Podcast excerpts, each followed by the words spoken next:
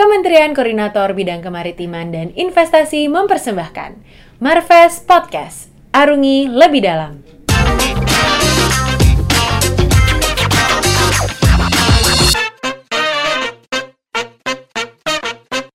Hai tim Marves, kembali lagi di podcast Marves.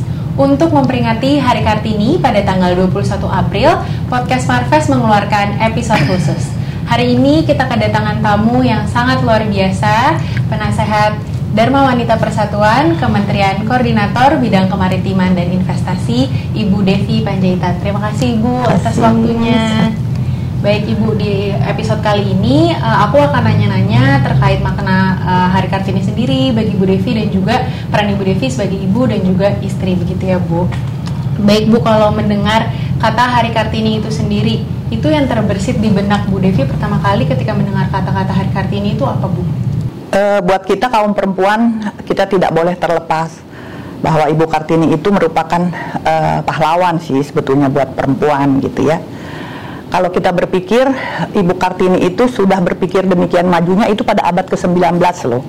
Karena beliau lahir kan 1829, terus 25 tahun sudah berpikir uh, bahwa ada ketidakadilan pada perempuan dan laki-laki. Tapi pada waktu itu beliau itu uh, menitik beratkan pada bidang pendidikan karena dia tidak boleh bersekolah oleh ayahnya. Nah, sekarang kita di abad ke-21. Nah, kita boleh mengatakan bahwa kita tidak lagi membicarakan tentang perbedaan laki dan perempuan, ya kan? Itu selesailah sudah pada abad ke-19. Nah, kemudian pada abad 21 20 lah dulu ya. Sudah banyak sih terbuka eh, peluang-peluang untuk kaum perempuan. Nah, terutama di abad 21, teknologi dan lain sebagainya. Jadi kalau kita lihat sekarang ini kita tidak lagi membicarakan perbedaan uh, perempuan dan laki-laki. Karena sekarang semua terbuka. Apa coba yang kita katakan di bidang pendidikan? Ya. Semua dokter-dokter, profesor-profesor banyak perempuan, ya kan? Di bidang teknologi yang memegang IT-IT banyak ya, perempuan, ya. Kemudian di dalam pekerjaan yang sehari-hari yang menjaga SPBU bensin ya. juga sudah perempuan gitu kan. Jadi kita tidak lagi membicarakan bahwa perempuan itu terpinggirkan dari pria. Kita sudah meyakini bahwa perempuan Indonesia dan di tengah-tengah kancah Republik Indonesia ini sudah sama sih sebetulnya. Tetapi sekarang kita di abad 21 ini, apa yang bisa kita lakukan gitu ya. Nah, banyak sebetulnya yang kita bisa lakukan. Yang pertama tuh saya tuh kepingin bahwa perempuan-perempuan Indonesia ayo dong berkarya gitu, melakukan sesuatu untuk society, untuk masyarakat gitu ya. Banyak yang bisa kita lakukan. Oleh karena itu saya selalu uh, mengapresiasi para perempuan-perempuan yang melakukan banyak hal untuk uh, masyarakatnya, untuk uh, lingkungannya. Misalnya contoh ada kakak beradik yang membuka sekolah di bawah jembatan untuk uh, para anak-anak yang uh, kurang mampu dan anak jalanan misalnya ya kan. Kemudian anak-anak yang membuat satu uh, kelompok peduli sampah misalnya, sampah plastik gitu ya. Kakak beradik yang di Bali itu juga kita bisa membuat contoh. Jadi sebetulnya sekarang yang kita pertanyakan itu di abad 21 ini sesudah Kartini di abad 19. Sekarang kita hidup di dalam abad 21. Apa yang dapat perempuan lakukan? Yang pertama itu berkarya, ya.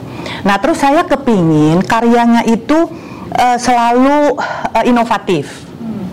Jadi jangan kita tuh sebagai perempuan dompleng. Sekarang banyak perempuan-perempuan yang mohon maaf ya banyak yang berkarya, tetapi banyak juga dia hanya mendompleng untuk popularitas dia.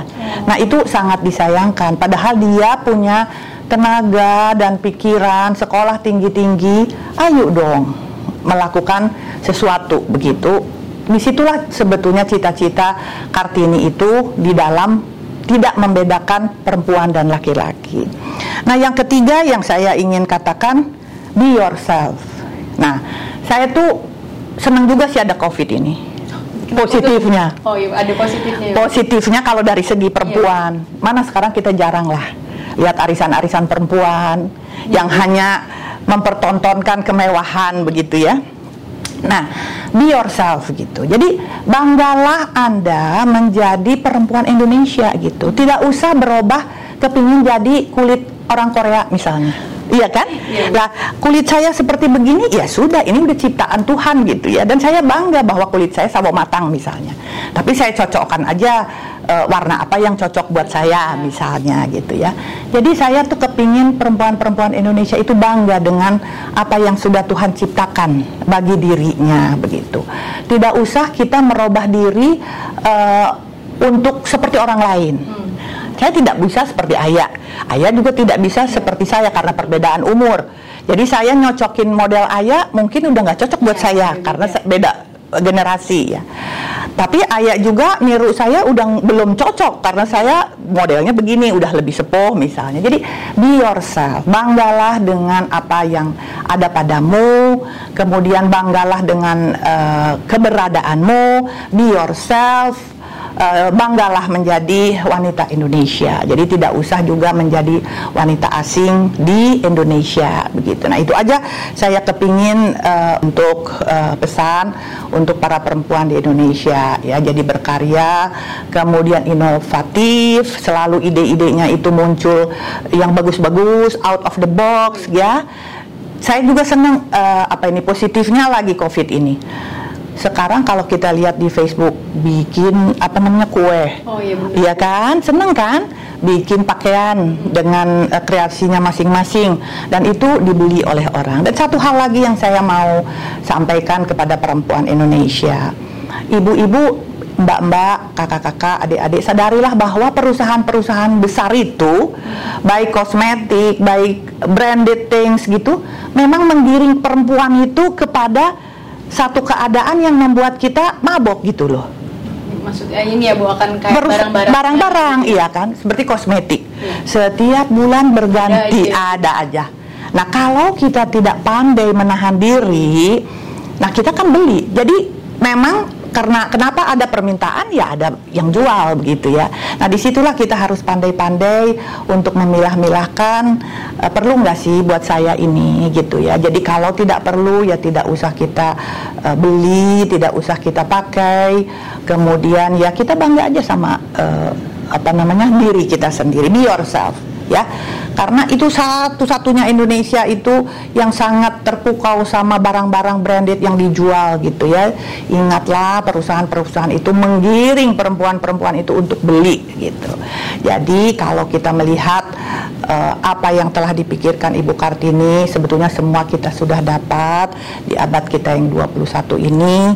Sekarang kembali kepada kita ayo kita berkarya untuk negeri kita Nah, berarti tadi maknanya yang untuk bisa diterapkan sama tim Marves juga yang pertama be yourself Iya. jadi diri sendiri terus habis itu Berkarya. melakukan sesuatu tapi bukan cuma buat diri sendiri ya Bu, Iya. tapi harus bisa melakukan sesuatu untuk society juga Iya. gitu dan yang hasil karyanya juga yang inovatif inovatif dinikmati orang banyak orang ya Gitu. Tim Marves itu bisa menjadi uh, pesan buat tim Marves ya tiga hal tersebut. Iya. Nah, selanjutnya Bu, kalau misalkan uh, dari sosok Ibu Kartini itu sendiri dan habis itu dengan tiga hal tersebut, bagaimana sih Bu tiga hal itu uh, bisa menjadi apa ya uh, kayak prinsip Ibu atau menjadi pedoman Ibu dalam menjalani hari-hari Ibu sebagai seorang ibu, sebagai seorang istri gitu?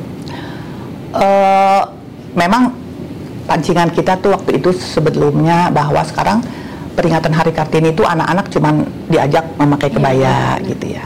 Tetapi itu juga nggak salah gitu kan. Dengan sendirinya dia bertanya apa sih eh, Kartini itu begitu ya. Dengan diceritakannya seperti begitu. Nah kalau bagi saya pribadi, saya nggak ingat apakah waktu saya di kecil di SD SMP itu memperingati Hari Kartini, tapi apakah eh, harus memakai kebaya itu saya eh, tidak ingat lagi. Tapi saya rasa tidak, bukan itulah eh, makna poin yang penting. Nah, kalau bagi diri saya pribadi, saya tanpa saya sadari sebetulnya eh, saya sudah terapkanlah kepada anak-anak, ya kan. Di rumah kami ini tidak ada perbedaan eh, pria dan wanita. Jadi ketika anak-anak semua berumur-umur remaja, si pria juga saya suruh nyedot karpet Oh, iya. gitu ya. Saya suruh eh, beli bahan-bahan salad misalnya ke pasar si laki-laki. Malah kadang-kadang perempuan-perempuannya yang e, manja ya malah laki-laki itu lebih banyak dituntut. Terus mohon maaf mungkin bawa binatang peliharaan untuk jalan keluar gitu ya untuk buang sampah. Jadi kalau bagi saya pribadi kita tidak pernah membedakan memang laki perempuan. Dia mau sekolah ke mana silahkan. Mau apa pun yang dia ambil silahkan. Dan Pak Luhut sendiri itu tidak pernah membedakan. Dia juga ringan tangan untuk e, menolong e, perempuan atau menolong kami yang perempuan-perempuan ada di dalam rumah tangga. Jadi saya tidak pernah membedakan dan mereka boleh bersekolah ke mana saja yang mereka mau, tidak harus harus ini harus ini harus ini gitu ya. Dan sebetulnya pendidikan itu yang Ibu Kartini inginkan di dalam setiap rumah tangga supaya semua dapat bersekolah dengan baik ya. Nah kemudian eh, tiga itu telah kami terapkan jadi kita bersyukurlah bahwa Tuhan memberikan uh, apa namanya rezeki kita juga membuat sekolah kita juga memikirkan uh, masyarakat kita memikirkan society. Sampai sekarang itu juga diterapkan sama anak-anak. Jadi saya kadang-kadang lihat anak itu oh benar ya didikan daripada orang tuanya. Itu tanpa kita sadari mereka juga melakukan seperti itu gitu Baik Bu, nah tadi Ibu kan sempat uh, bicara sedikit terkait Ibu juga membangun sekolah ber Iya. ini ke masyarakat kan ada yayasan Del ya Ibu Iya. buatan Ibu dan uh, Bapak. Bapak. Itu uh, di yayasan Del itu sendiri gimana sih Ibu uh, menanamkan nilai-nilai apa aja Bu ke anak-anak di situ kan ada yang terkait pendidikan gitu iya, juga ya Bu. Iya. Di Yayasan Del khusus di bidang pendidikan kita itu memakai eh, bahasa Batak ya. Oh, iya. Martuhan, Marroha dan Marbisuk. Martuhan itu ya bertuhan. Jadi di atas segala-galanya ya dia harus mempercayai Tuhan adalah eh, penolong, pembimbing dan sesuatu yang harus dia eh, imani ya. Kemudian marroha, marroha itu punya hati gitu. Jadi eh, dia sebagai yang kita didik itu harus punya hati. Bekerja yang paling penting punya hati gitu ya. Sehingga melakukannya itu sungguh-sungguh. Dan marbisuk, marbisuk itu bijaksana untuk melihat mana sih yang perlu dilakukan, mana yang tidak perlu dilakukan. Nah, itu yang kita terapkan di dalam pendidikan anak-anak sekolah kita baik di Institut Teknologi Del, di SMA Unggul dan sekolah-sekolah lain yang kita bentuk. Kita bersyukur bahwa eh, terus masih kita eh, terapkan itu dan misalnya salah satu anak masuk ke dalam sekolah kita itu kita ada masa apa namanya masa apa sih namanya orientasi. Nah itu yang kita terapkan. Jadi kita tidak memikirkan agama lu apa agama gue apa enggak. Karena dasarnya itu bahwa Tuhan menciptakan semua baik adanya gitu ya. Kita buku ini juga enggak diciptakan oleh orang Islam atau orang Kristen misalnya. Buku ini diciptakan seseorang manusia yang mampu untuk melakukannya gitu ya. Jadi itu juga yang kita terapkan di sekolah kita kamu tidak boleh eh, apa namanya membeda-bedakan ataupun eh, agama seseorang gitu ya. Gua di sini, gua di situ nggak ada. Kita adalah sama ciptaan Tuhan melakukan banyak hal untuk eh, society gitu. Bu, aku jadi teringat sedikit kan sekarang banyak ya Bu stigma kayak yang uh, udah perempuan gak perlu sekolah tinggi-tinggi kayak gitu kayak udah perempuan nantinya akan di rumah aja. Nah kalau menurut Bu Devi sendiri tuh stigma seperti itu kayak gimana sih? Bu? Sebetulnya udah nggak cocok ya. Iya. Ya seperti yang saya bilang Iya, tadi tadi. ya dengan abad 21 itu. Saya ini termasuk eh, ibu-ibu yang nggak berapa setuju kalau ibu-ibu hanya di rumah saja gitu ya. Jadi waktu dulu saya istri Persit, Persit itu anggota eh, Persatuan Istri Prajurit gitu kan. Di situ tuh ada peraturan bahwa istri itu harus di rumah aja gitu untuk eh, mengurus rumah gitu ya. Sehingga sekarang istri-istri prajurit itu ada yang dokter, ada yang S2, S3 lah terus dia udah sekolah jauh-jauh, masa dia tidak boleh berkarya untuk melakukan sesuatu. Nah, saya selalu mengatakan silahkan. Memang eh, peran yang dipakai oleh perempuan itu banyak sekali ya, peran sebagai istri, peran sebagai ibu, sebagai ibu rumah tangga. Tapi kalau dia bekerja, peran sebagai pegawai gitu ya. Nah, dia pinter-pinter aja mengatur banyaknya peran-peran ini gitu ya walaupun itu berat gitu ya nah kalau i- apa saran saya dulu waktu ke, di Persit eh, silahkan bekerja jangan lupakan Persit urus rumahmu urus anak-anakmu gitu ya jadi kalau stigma yang mengatakan pendidikan tidak perlu bagi perempuan ya saya kurang setuju ya kasihan lah Iya. perempuan. Kalau kita balik lagi kepada Ibu Kartini ya, beliau kan sebetulnya yang menanamkan bahwa pendidikan itu sangat penting gitu dan kita bisa lihat loh uh, mungkin pendidikan itu tidak harus selalu formal. Dia bisa membaca, dia bisa melihat televisi lah. Televisi itu jangan drakor melulu yang dilihat gitu misalnya ya. Lihat juga ilmu-ilmu pengetahuan yang lain sehingga dia menambah wawasan gitu. Apalagi dia kalau nanti menjadi ketua di dalam satu organisasi, anggotanya itu sekarang udah hebat-hebat. Nah, kalau dia aja sebagai istri ketua tidak bisa membawakan sesuatu buat anggotanya ya sayang sih sebetulnya ya. Jadi kalau saya ibu-ibu perempuan harus sekolah setinggi-tingginya. Itu ya Tim Marves. Karena kan kalaupun cuma di rumah maksudnya tidak bekerja kalaupun di rumah kan juga mengajarkan anak-anak ya, ya boleh juga sih itu ya. Tapi memang ya itu yang seperti tadi saya katakan peran perempuan berat ya. Berat belum dia melahirkan. Ya. cuti tiga bulan untuk menyusui untuk membesarkan anak. Udah gitu tinggalin di rumah kan dia harus bekerja. Tapi kalau menurut saya itu uniknya perempuan sih ya bahwa dia mempunyai kelebihan bahwa dia bisa mengatur rumahnya. Kalau bapak-bapak dia kerja gitu ya. Dia nggak bisa mengurus anak dari pagi sampai sore. Beda dengan perempuan. Memang udah Tuhan menciptakan begitu sih ya. Kalau boleh cerita sedikit Bu kayak Ibu. Berarti kan ketika Bapak dulu jadi prajurit kan pasti sering ninggalin-ninggalin gak yeah. pindah-pindah keluar kota gitu yeah. kan. Mungkin ninggalin Ibu juga di rumah sendiri sama anak-anak itu. Ibu perasaannya gimana Bu? Akhirnya jadi menjadi biasa sih ya. Karena udah. Iya, dan kita kebetulan uh, bersyukurnya itu waktu masih anak-anak kecil kita nggak pindah-pindah, jadi hmm. lebih banyak di Cijantung di Kopassus untuk 23 tahun sampai anak-anak besar, kemudian mereka bersekolah keluar sehingga kami pindah-pindah itu udah tinggal dua anak dari empat anak oh. gitu ya, udah SMP dan uh, Carrie SD gitu ya. Jadi uh, pada waktu itu ditinggal tugas itu mula-mula sih sedih tapi akhirnya kita menyadari sih. Saya kalau selalu ingat dulu waktu uh, Pak Luhut melamar saya ayah saya bilang kamu udah siap jadi istri prajurit gitu ya?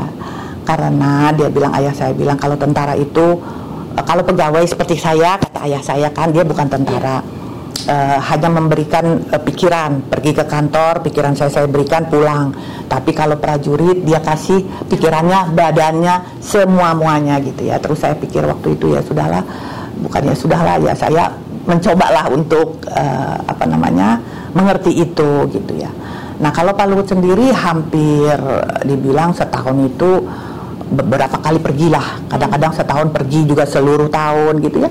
Kadang-kadang setahun dua kali enam bulan enam bulan. Jadi praktis itu ya memang anak itu kita yang mendidik gitu ya. Walaupun memang kalau di dalam ilmu sosiologi ya perempuan adalah uh, personil yang pertama dilihat ibu kan.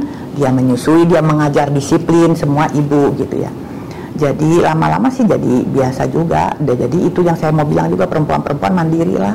Jangan cengeng gitu ya. Jadi harus uh, kuat gitu untuk menapaki hari-harinya ke depan gitu ya.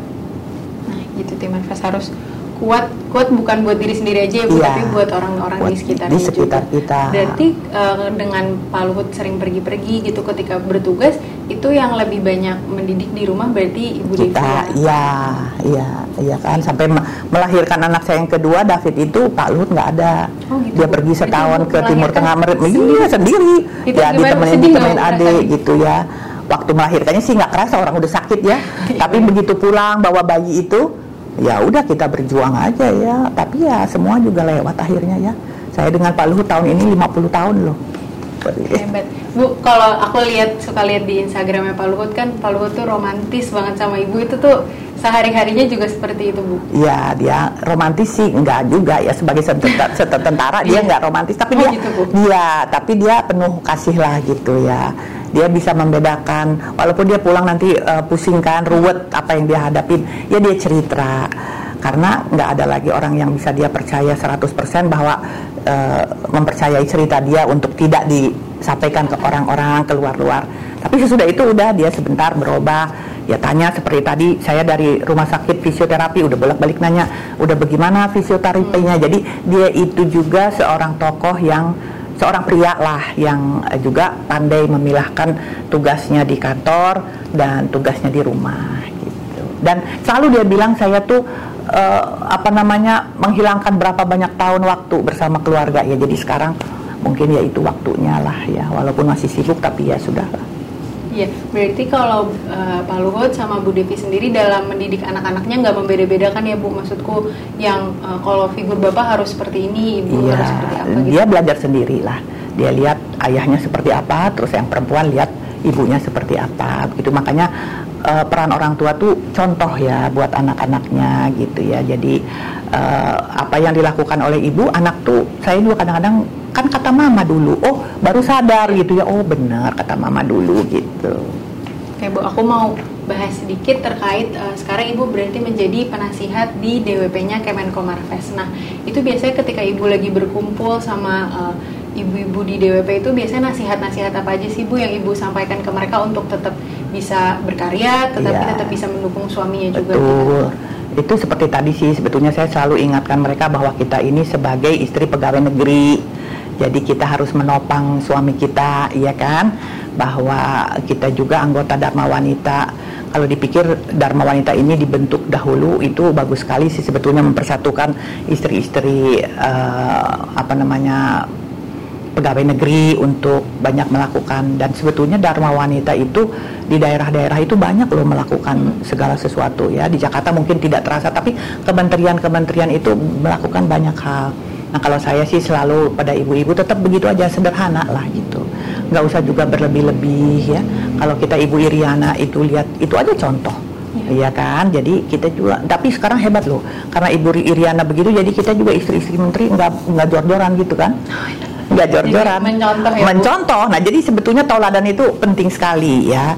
Tauladan itu penting, walaupun buat kita berat lah gitu ya. Tapi uh, misalnya kepingin ini oh enggak. Pantas nggak sih aku beli ini gitu kan? Jadi akhirnya dari uh, pengamatan kita sendiri pemikiran kita sendiri kita tuh berpikir ini perlukah buat saya atau tidak? Nah itu selalu saya sampaikan kepada ibu-ibu dharma wanita. Kemudian selalu saya bilang ayo bu melakukan sesuatu gitu. Dan mereka ibu-ibu tuh hebat ya.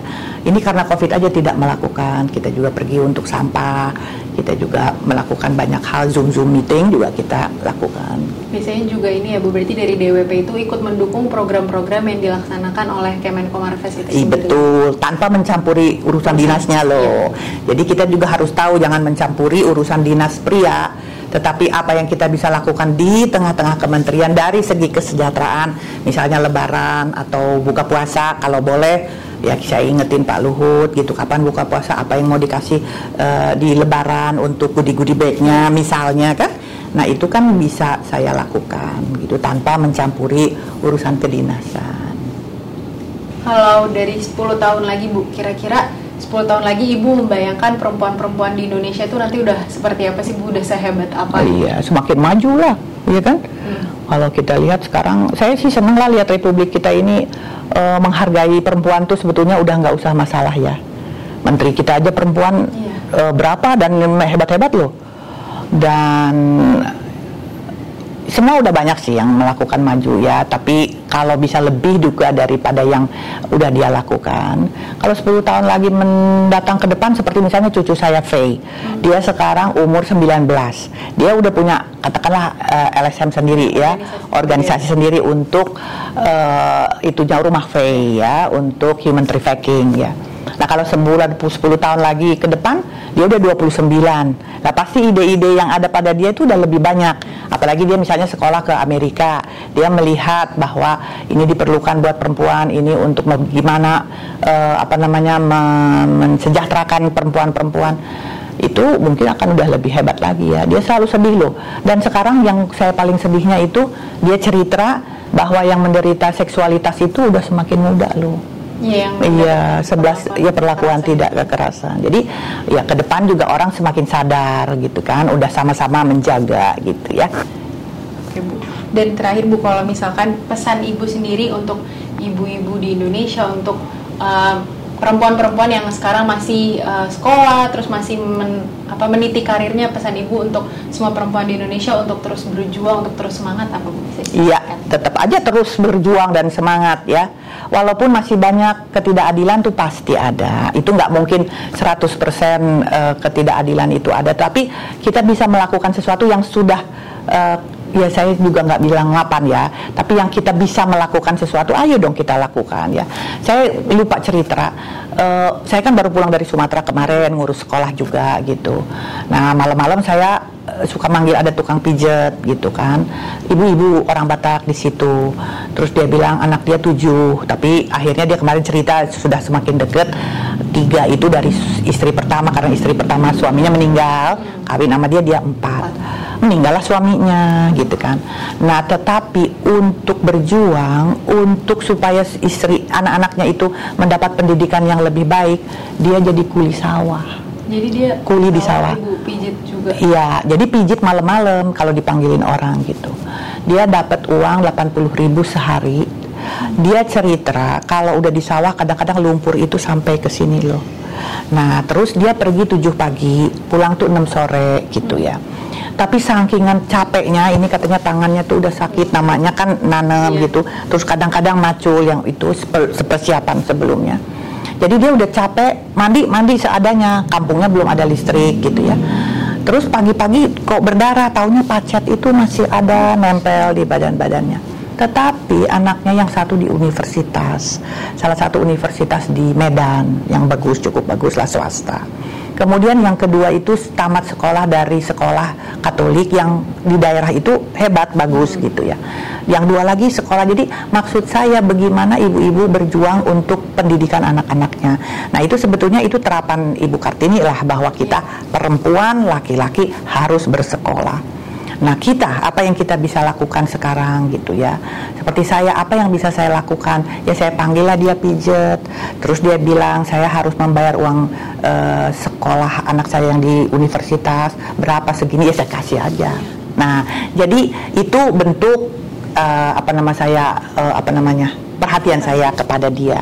Mungkin perhatian lain saya. Nah ada contoh lagi di Sumatera itu kan bikin ulos, ah, bikin ulos.